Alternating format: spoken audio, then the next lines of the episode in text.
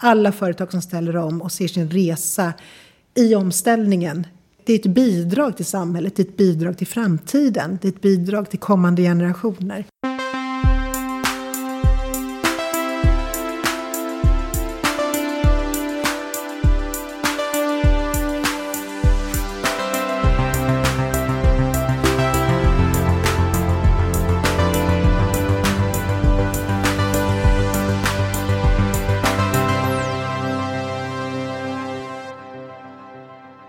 Hej framtiden är tillbaka. Jag heter Christian von Essen. Eh, jag sitter på Kitchen Studio Roslagsgatan i Stockholm tillsammans med Nina Ekelund. Välkommen till podden.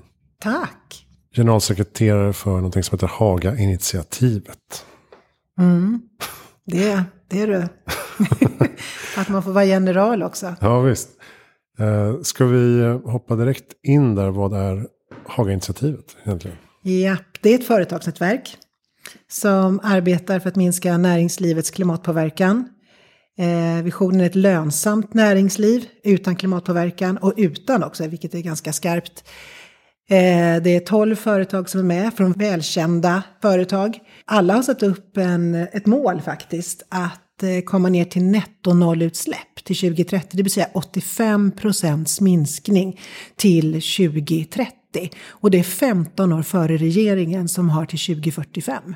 Och sen har vi en strategi också som handlar om att vi ska hålla oss under en och en halv graders målet. Det vill säga att vi ska bidra på alla sätt för att de här företagen och också påverka andra företag och politik så att vi skyndar snabbare mot en klimatomställning som håller sig under en och en halv grad. Och hur eh, började det hela? Vi var faktiskt eh, runt krokarna här eh, och tittade ut över Hagaparken kan jag säga. Några av företagen, inte alla som är med idag utan några av dem, och sa att vi behöver faktiskt driva på. Och för tio år sedan, när vi startade, eller elva år sedan exakt nu, så, så fanns det inget företagsnätverk som, som visade på klimatnytta och affärsnytta i kombination och visa att det var lönsamt med en klimatomställning. Utan tvärtom så hade ju näringslivet mest bromsat, tyckte det var dyrt, det var svårt, det kostar pengar, det, det här är jobbigt. Eh, och vi ville vara ett alternativ till dem och visa att det faktiskt är möjligt att ställa om och också visa och driva på andra företag så de ställer om snabbare. Och det underlättar ju för de här företagen om andra ställer om också. Och påverka politiken så att då satte, vi, då satte vi upp våra mål. Och det första målet vi satte upp det var att vi skulle minska med 40 procent till 2020. Det målet eh, faktiskt redovisade vi nu för ett år sedan. Hur har det gått? Ett företag minskade 93, 90, 87, 75. Alla företag utom en klarade faktiskt det klimatmålet. Och med råge. Så det visar ju liksom att sätta ambitiösa klimatmål och Walk the Talk visar ju faktiskt att man kan klara av det. Och nu har vi satt nya mål till 2030 och så vidare. Just det. Eh, jag ska bara nämna de företag som är med här. Det är alltså Axfood, Coca-Cola European Partners, det är Folksam, eh, Stockholm Exergi, eh, byggföretaget JM, Lantmännen, Löfbergs, McDonalds, Scan, eller HK Scan som de heter, Preem, Stena Recycling och Sveaskog. Och eh, som lyssnare kanske man inte tänker på vissa av dem som klimatpionjärer. Nej. Men det här arbetet pågår liksom lite i det dolda då? Eller ja, vad ska man för, säga? exakt. Lite i det dolda faktiskt, för i alla fall för allmänheten. För att vi, vår målgrupp är inte allmänheten, utan det är politiker och andra företag. Så vi går inte ut i stora annonskampanjer och, och sådär. Men alla är väldigt välkomna att kolla in på Haga-initiativets hemsida. Så att, eh, men företagen ser ju att det här är lönsamt och att det är viktigt. Jag menar, om man inte ställer om nu så kommer inte de här företagen att ha några affärer i framtiden. Och man vill också visa att traditionella företag, som de här är, men alla hörde varumärkena liksom, det är möjligt att ställa om i de här branscherna. Det är möjligt att komma ner till noll. Och det är det vi måste göra. Och till och med komma ner till minus som ett av företagen jobbar med, Stockholm Exergi, som har drivit på stenhårt för att det ska finnas politik som gör det möjligt att man kan först nolla utsläppen men sen därutöver också ha negativa utsläpp så att man kanske hjälper andra sektorer som kommer att ha svårare. Är det med eh, CCS-teknik? Nej, nej, CCS, det är egentligen så om man tänker att CCS, Carbon Capture Storage, det är en teknik att fånga in utsläpp, men det blir egentligen plus minus noll. För att man släpper ut och sen för man ner.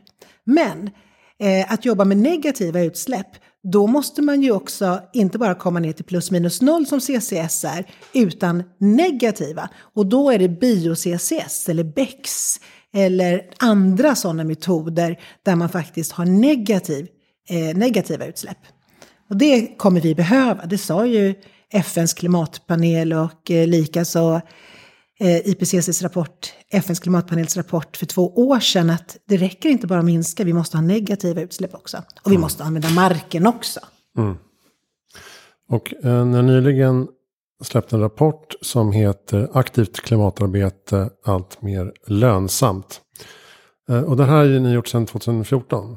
Ja, samma typ det är fjärde av, rapporten. Ja, så samma, samma typ av frågor. Mm. Och så um, ställer ni dem till hundra svenska företag, mm. medelstora. Ja. Och frågar, ja vad är det ni frågar? Hur, ja, i, hur, hur jobbar ni med klimatarbete och ja. Vad kostar det och vad får ni för effekter? Var, varför är det lönsamt i ditt mm. företag att arbeta med klimatfrågor? Och det som är så intressant när vi, när vi tittar på svaren, det är ju liksom, då tittar man, ser man ju att alla företag, de är alltid överens om två saker. De, som, och när vi ser liksom över trenden på de här fyra rapporterna eh, sedan 2014, det är att alla är överens om att det stärker varumärket.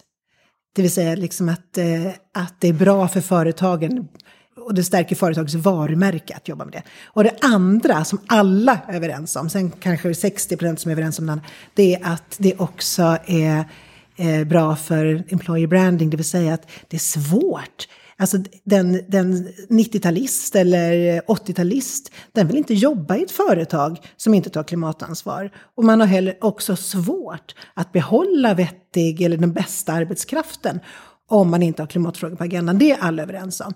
Men sen tittar vi också på andra delar som vi också ser har ökat. Det är kostnadsbesparingar, minska risken, finansieringen, alltså du får nya finansieringsmöjligheter om du jobbar med klimat, som till exempel gröna obligationer.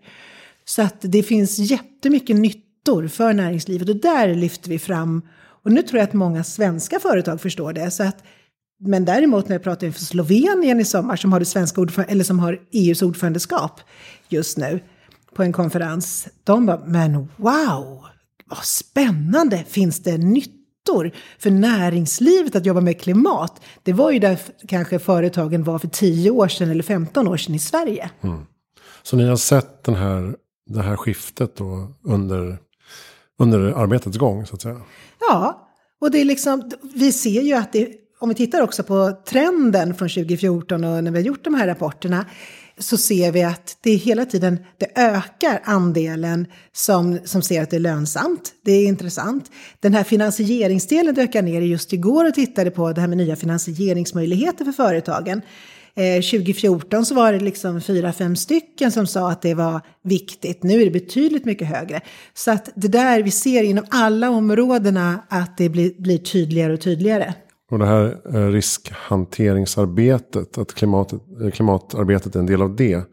Har också ökat, eh, vad sa ni, från 59 procent 2019 till 70 procent mm. i år. Ja. Att man tycker att det, är, att det är viktigt. Ja, och jag menar, det är klart. Det är bara att läsa, nu gjorde vi intervjun i, i våras och FNs klimatpanels senaste rapport kom ju 9 augusti i år. Men det är väldigt, väldigt tydligt att företag ser att, att man inte jobbar med klimat, det är ju en riskfråga. Man kan ju också få strandade tillgångar ekonomiskt om man har satsningar i olja och kol och pensionsavsättningar som blir lägre på grund av detta eller andra investeringar. Och riskperspektivet kan ju vara brett. Det kan ju vara både det liksom att man har investerat i fel, men det kan ju också vara så att det är en risk att man kanske har underleverantörer som levererar till företag som ligger i Bangladesh som är översvämmat fyra månader eh, om året på, på grund av eh, klimatförändringar. Det är också en risk. Så, så mm. risken kopplat till klimat är ju, är ju brett. Men det, det är på företags agenda allt tydligare. Just den här klimatrisken är väl någonting man börjar prata ganska mycket om nu. Känns som. Alltså även från investerarhåll. Ja, och jag menar som investerare så vill man ju inte lägga pengarna i fel aska om man säger så. Utan det är ju superviktigt att man ser till att man satsar det på framtiden. För att man vill se pengarna växa också. Så att det där är det riskperspektivet Ja, vi har faktiskt inte pratat så mycket om det på grund av att vi har pratat om för risk. När vi började prata om det faktiskt för tio år sedan så sa några att vi kanske inte ska prata så mycket risk. Vi lyfter fram lönsamhetsaspekterna istället. Så det är kul att du nämner risken, för risken ser vi en tydlig skillnad på, mm. på, på, på, om vi tittar historiskt. För det är så många företag som agerar just på riskfrågan. Ja, precis. Och från, från eh, kapitalförvaltare och investerarnas håll så det är ju inte bara att de blir mer miljömedvetna och godhjärtade. Utan det är ju också rent krast mm. en kalkyl, en riskkalkyl. Att så här, ja men, fastigheter som inte är anpassade efter framtida klimatförändringar är inte värda att satsa i. Så därför måste vi se till att de har de certifieringarna till exempel. Mm. Så att det, det hänger ihop allting. Mm. Väldigt tydligt. Och eh, era respondenter säger också att det är EU-politiken som är den mest påverkande mm. Eh, faktorn. Vi, inte den nationella politiken. Nej, vilket också är intressant. För att vi diskuterar alldeles för lite EU-politik i mm. Sverige. Mm. Kopplat till klimat och omställning. Och det är liksom förvånansvärt. Det är som att man tror att det är liksom... Eh, jag menar, vi, vi är duktiga att diskutera svensk politik. Men sen när vi har skulle jag vilja säga när det är debatter i, eh, i, eh, i media eh, med alla partiledarna. Då brukar klimatfrågan handla om en enda sak och det är kärnkraften. Jag menar, dels finns det mycket inom svensk politik att prata om, men framför allt inom EU. Och just nu så har ju Fit for 55-paketet kommit från EU och Green Deal som, är, som kom i somras som är en av de största klimatsatsningarna från EU någonsin. Och EU har satt upp ett nytt klimatmål eh, om att minska utsläppen eh, med 55 procent till 2030. Och det är ju, och sen följer massor med lagändringar i Fit for 55 som ett paket efter det, där vi ser över hela utsläppshandeln hur många diskuterar utsläppshandeln i Sverige? Fastän det är den som påverkar svensk industri allra mest att minska sina utsläpp. Nu har priset gått upp till 60 euro tonnet. Det har aldrig varit så högt. Och vad händer när priset är högt i utsläppshandeln? Jo, ökar att vi fasar ut kolet som släpper ut väldigt mycket koldioxid och att vi börjar investera mycket mer i grönt. Det är det som händer och den är en större påverkansfaktor än att man har ett investeringsbidrag för majoriteten av företag. Så priset, hög koldioxidskatt, en vass utsläppshandel med högt pris, det är det som får näringslivet att ställa om. Inte bidragen och de satsningarna liksom som man hör så mycket om och ser så mycket om i media.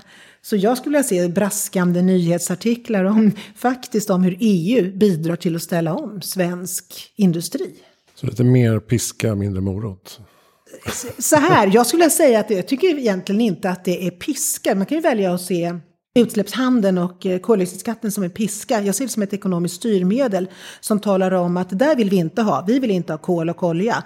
Eh, men de ekonomiska styrmedlen talar också om att vi vill ha förnybart, vi vill ha effektivisering, vi vill ha framtidssatsningar. Det är det som styrmedlen talar om. Och det gör det också brett över hela skalan förhoppningsvis, om vi liksom, när, när vi jobbar med EU så får vi det i alla fall brett.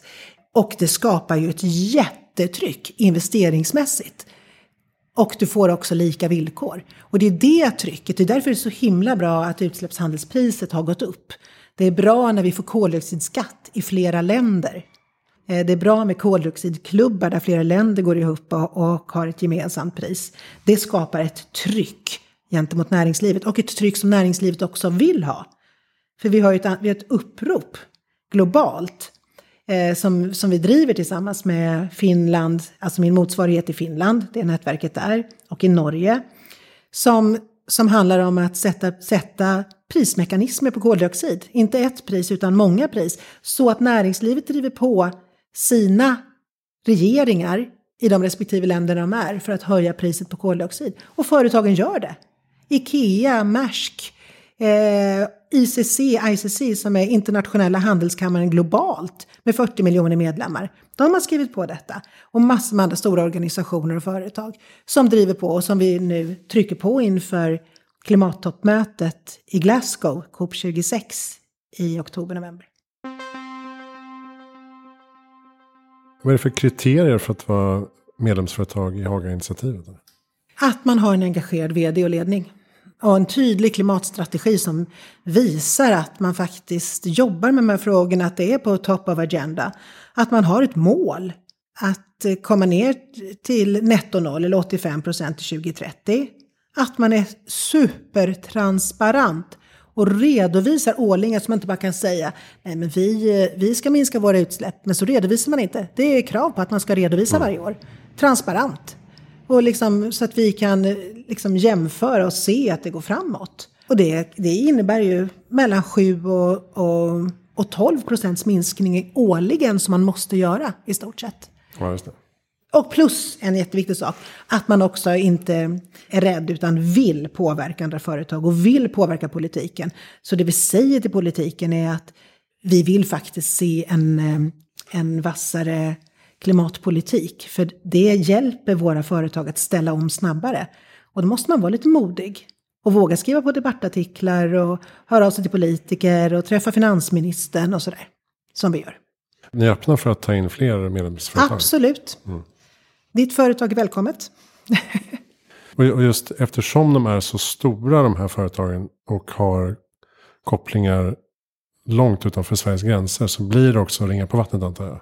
Ja, och jag skulle kunna berätta några historier, men några är ju lite så här, men det visar att har man med företag, även om det är den svenska delen som är med, det är klart att de ingår i en koncern som, som påverkar utanför Sveriges gränser. Och det är kul att se. Och det är kul att få den responsen också. Att, eh, att man tittar på vad som sker i Sverige. Kan Sverige göra det? Ja, men då kanske vi kan göra det i det här landet också. Och det, det är kul, för då ser man att det faktiskt eh, ger effekt.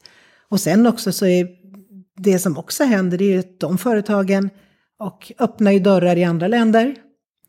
Jag var på en spännande konferens med Financial Times och Coca-Cola i London för några år sedan.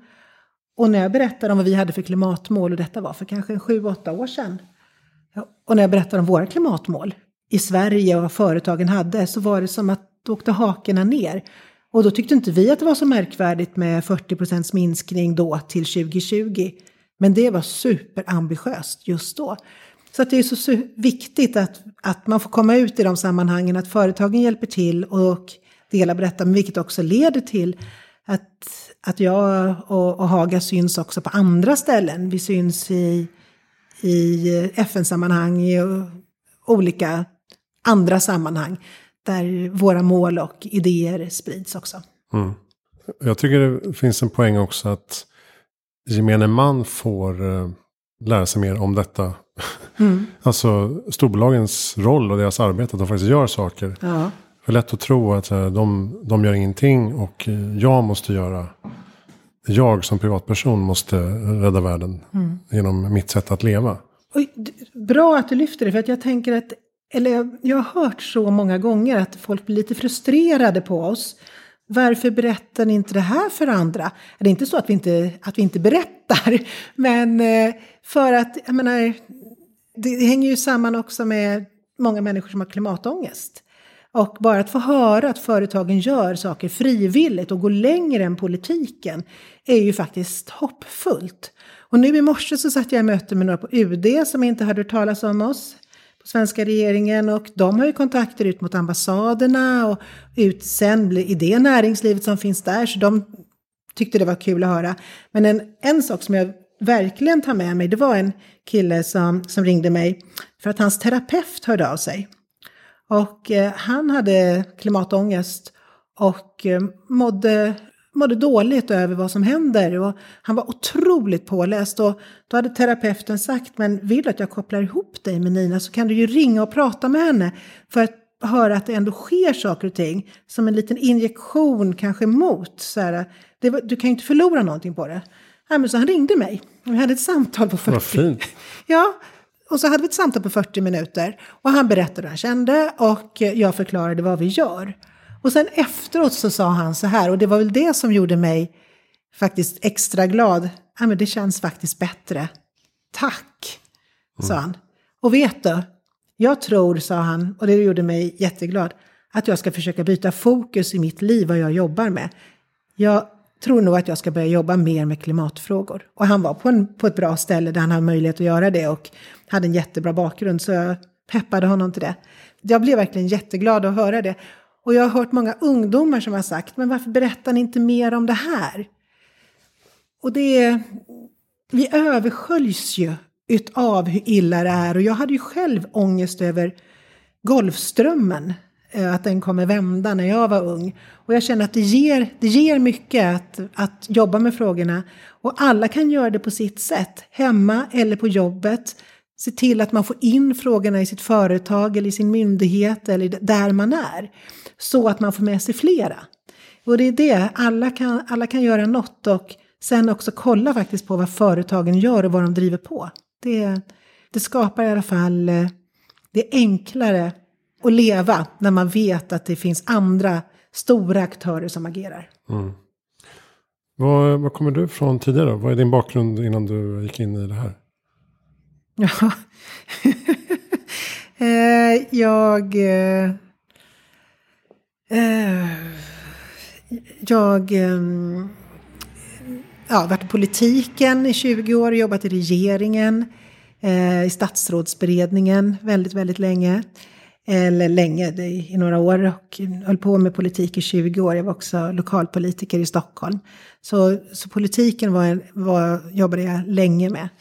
Sen så um, jobbade jag också på miljöförvaltningen i Stockholm, Naturvårdsverket, en sväng på miljödepartementet. Jag har jobbat på Stockholm Resilience Center med, med Johan Rockström och, och gänget där kort. Sen kom jag in i näringslivet för ungefär 10-12 år sedan.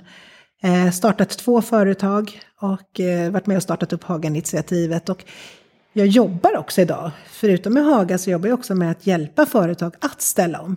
Mm. Och, det, och det, det är så kul. För att sitta i en ledningsgrupp och berätta om eh, dels vad utmaningarna är, men också se möjligheterna för det företaget. Och utmana dem i att ni kan faktiskt göra det här. Och jag, i veckan här nu så fick jag ett sånt supertrevligt sms. Man tror ju inte ibland att det kanske liksom, att saker och ting händer. Men jag träffade ett energiföretag för, för tre år sedan i Almedalen.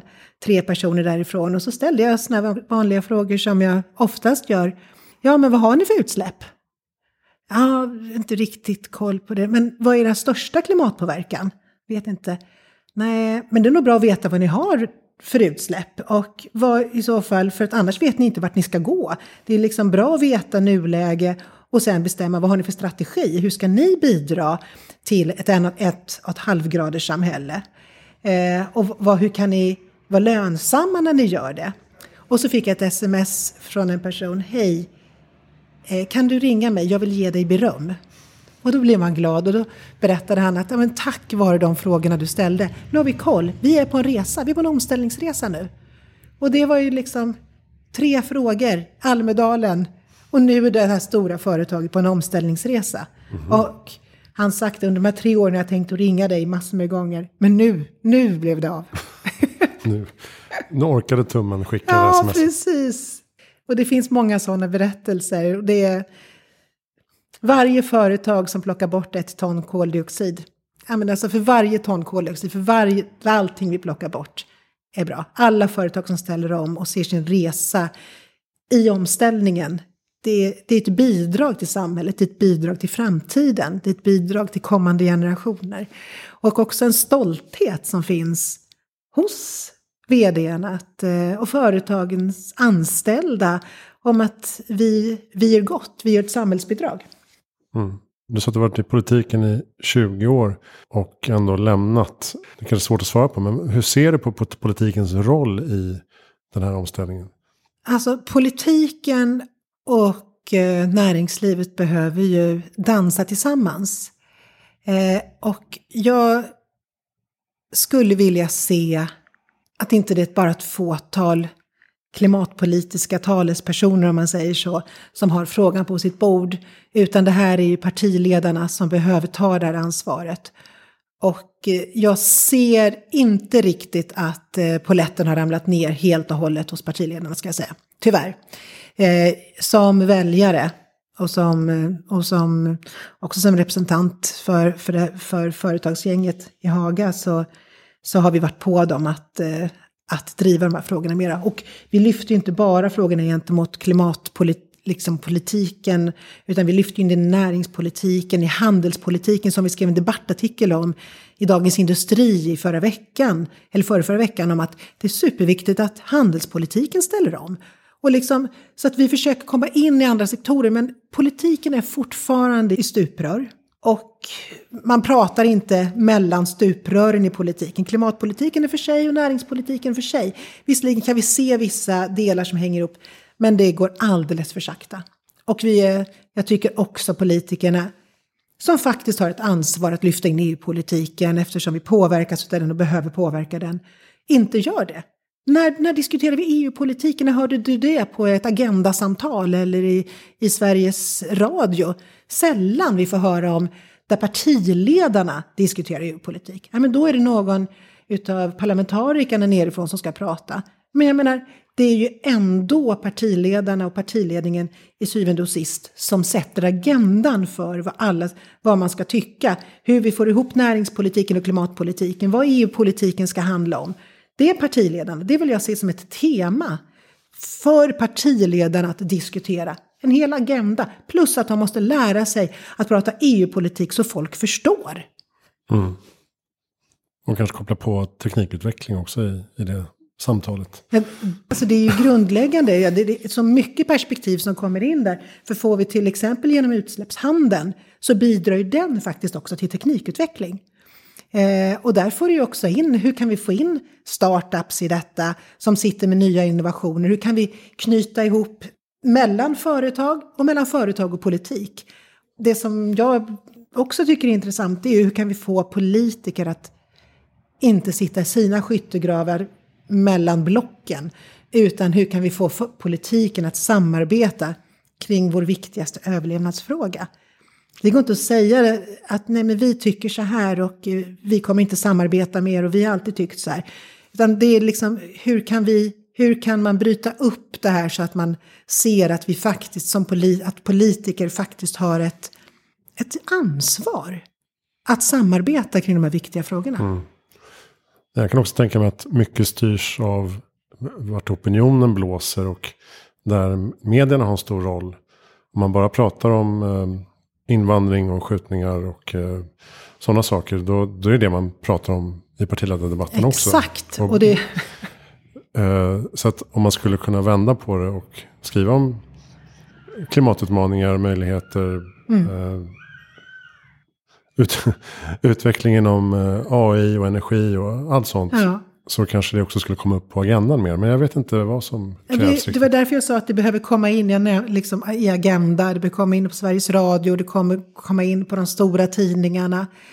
Om de börjar ställa frågan väldigt ofta och ställa frågan till partiledarna. Och inte lägga en kärnkraftsdebatt allra sist när man har debatter. Eller lägga, liksom se till att också partiledarna får stå till svars för, för, för klimatfrågan och också ställa frågan hur man samarbetar. Alltså att göra frågan till, bygga upp, bidra till att bygga upp kunskapen hos partiledarna i klimatfrågan. Och se det som en fråga, eftersom det är en fråga som går på bredden. Oftast kan ju partiledarna vara duktiga på att prata ekonomi, vilket är en fråga som går på bredden. Men det gör faktiskt klimatfrågan också. Den går på bredden också och man behöver kunna omfatta den som partiledare. Vad blir det legacy annars? Mm. När man då lämnar politiken och barnbarnen står där. Du gjorde ingenting morfar eller mormor. Du gjorde ingenting. Du hade ändå möjlighet att driva på. Men du gjorde ingenting. Nu står vi här med tre grader. Vad har du gjort? Tjafsade om hyreshöjningar. Ja, och jag vill inte samarbeta med det partiet för de var fel och jag vill inte göra det. Nej, men du har, ansvarsfrågan, hur kan den komma in i politiken på ett bättre sätt? Eh, jag brukar fråga, vad är ditt bästa tips för att göra världen bättre i framtiden? Att sätta sig in i saker och ting, skulle jag vilja säga. Liksom att, eh, att, att förstå att man är en människa här på jorden tillsammans med många andra och att det som vi gör idag formar framtiden. Låter ju Men att, låter ju, vad är ditt bidrag? Ja, men det är att, att, att vara påläst. Och när man är påläst och också läser på kring, kring hållbarhetsfrågor, att man pratar med några.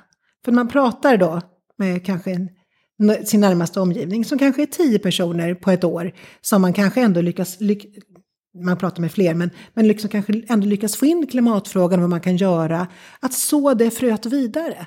För jag menar, det är våra värderingar som, i, som man bidrar med i samtalet. Värderingarna bidrar till hur samhället skapas och förändras. De värderingarna som du sitter och pratar om på middagsbordet är jätteviktigt. För du kanske påverkar den som sitter bredvid dig, hur den personen röstar. Eller hur den personen går och handlar i mataffären. När du berättar om dina, som jag sitter här i mina second hand-kläder och mina second hand-boots som ligger här. Ja men det kanske påverkar dem för jag har bestämt mig för att inte shoppa några nya kläder.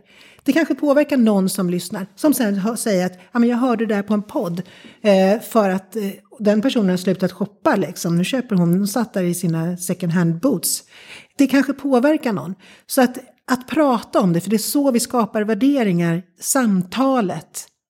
Och det är där i slutändan vi får de politiker på grund av de värderingarna vi har i samhället. Så någonstans måste det börja. Låt det börja med matbordet och låt det börja med din kunskap. Mm, bra. Har du bra lästips eller poddtips? Heja framtiden skulle jag vilja säga. eh, definitivt. Eh, du behöver inget annat. Nej, jag slukar allt.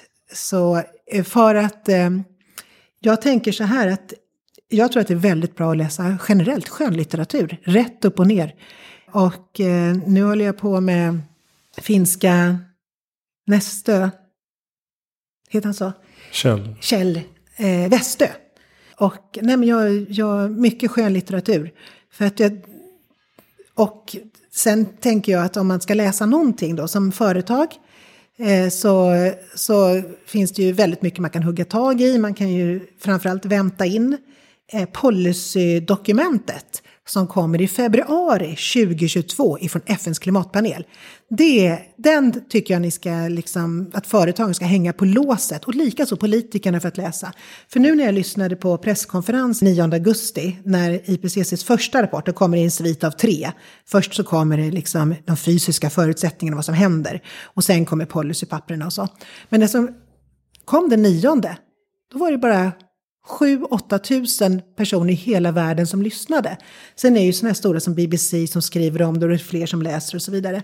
Men jag skulle vilja se att politiker och näringsliv hänger på låset när IPCC, FNs klimatpanel, släpper sina rapporter. Vad innebär det då? Är det konkret, han, konkreta handlingsåtgärder då? Som ja, det som kommer. kommer i februari är policyförslag och vad företag behöver göra. Det, det behöver man förstå. Och sen skulle jag re rekommendera en bok för företag också. Det är Rebecka Karlssons bok. Exponentiell klimatomställning. Jajamän. Den tycker jag är, hon har samlat ihop eh, faktakunskap med hur man kan tänka och hur vi kan få exponentiell omställning, hur vi kan få det mycket snabbare att hända. Den är inspirerande, jag vet att många vd och företagsledare har läst den. Eh, och jag har skickat den vidare till många företagsledare också, läst den. Mm. Och sen blanda upp med skönlitteratur. För att det liksom kopplar ihop med våra värderingar. Och det är bra att höra hur andra människor tänker. Ofta finns det stråk av naturförståelse och annat i detta som, som ger oss en, en bredare värld. Och när vi inte kanske reser just nu på grund av corona så får man en bred värld utav att läsa skönlitteratur. Mm, verkligen. Uh, Rebecka Karlssons avsnitt här i podden är 194. Kollade jag precis upp här. Så det kan du lyssna på. Mm, lyssna på det. Gör det. Um, vem tycker att jag ska intervjua i Heja Framtiden? Jag tycker att Åsa Domeij är rolig att lyssna på.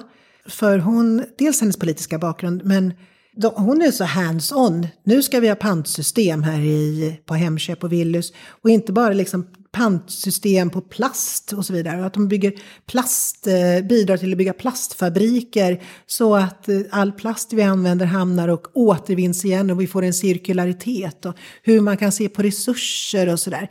Så det var en person som jag bara tänker som eh, liksom inte duckar för någonting utan också gör. Mm. Det, är liksom, det händer hela tiden och jag tycker att, att jag ser att det händer så himla mycket där.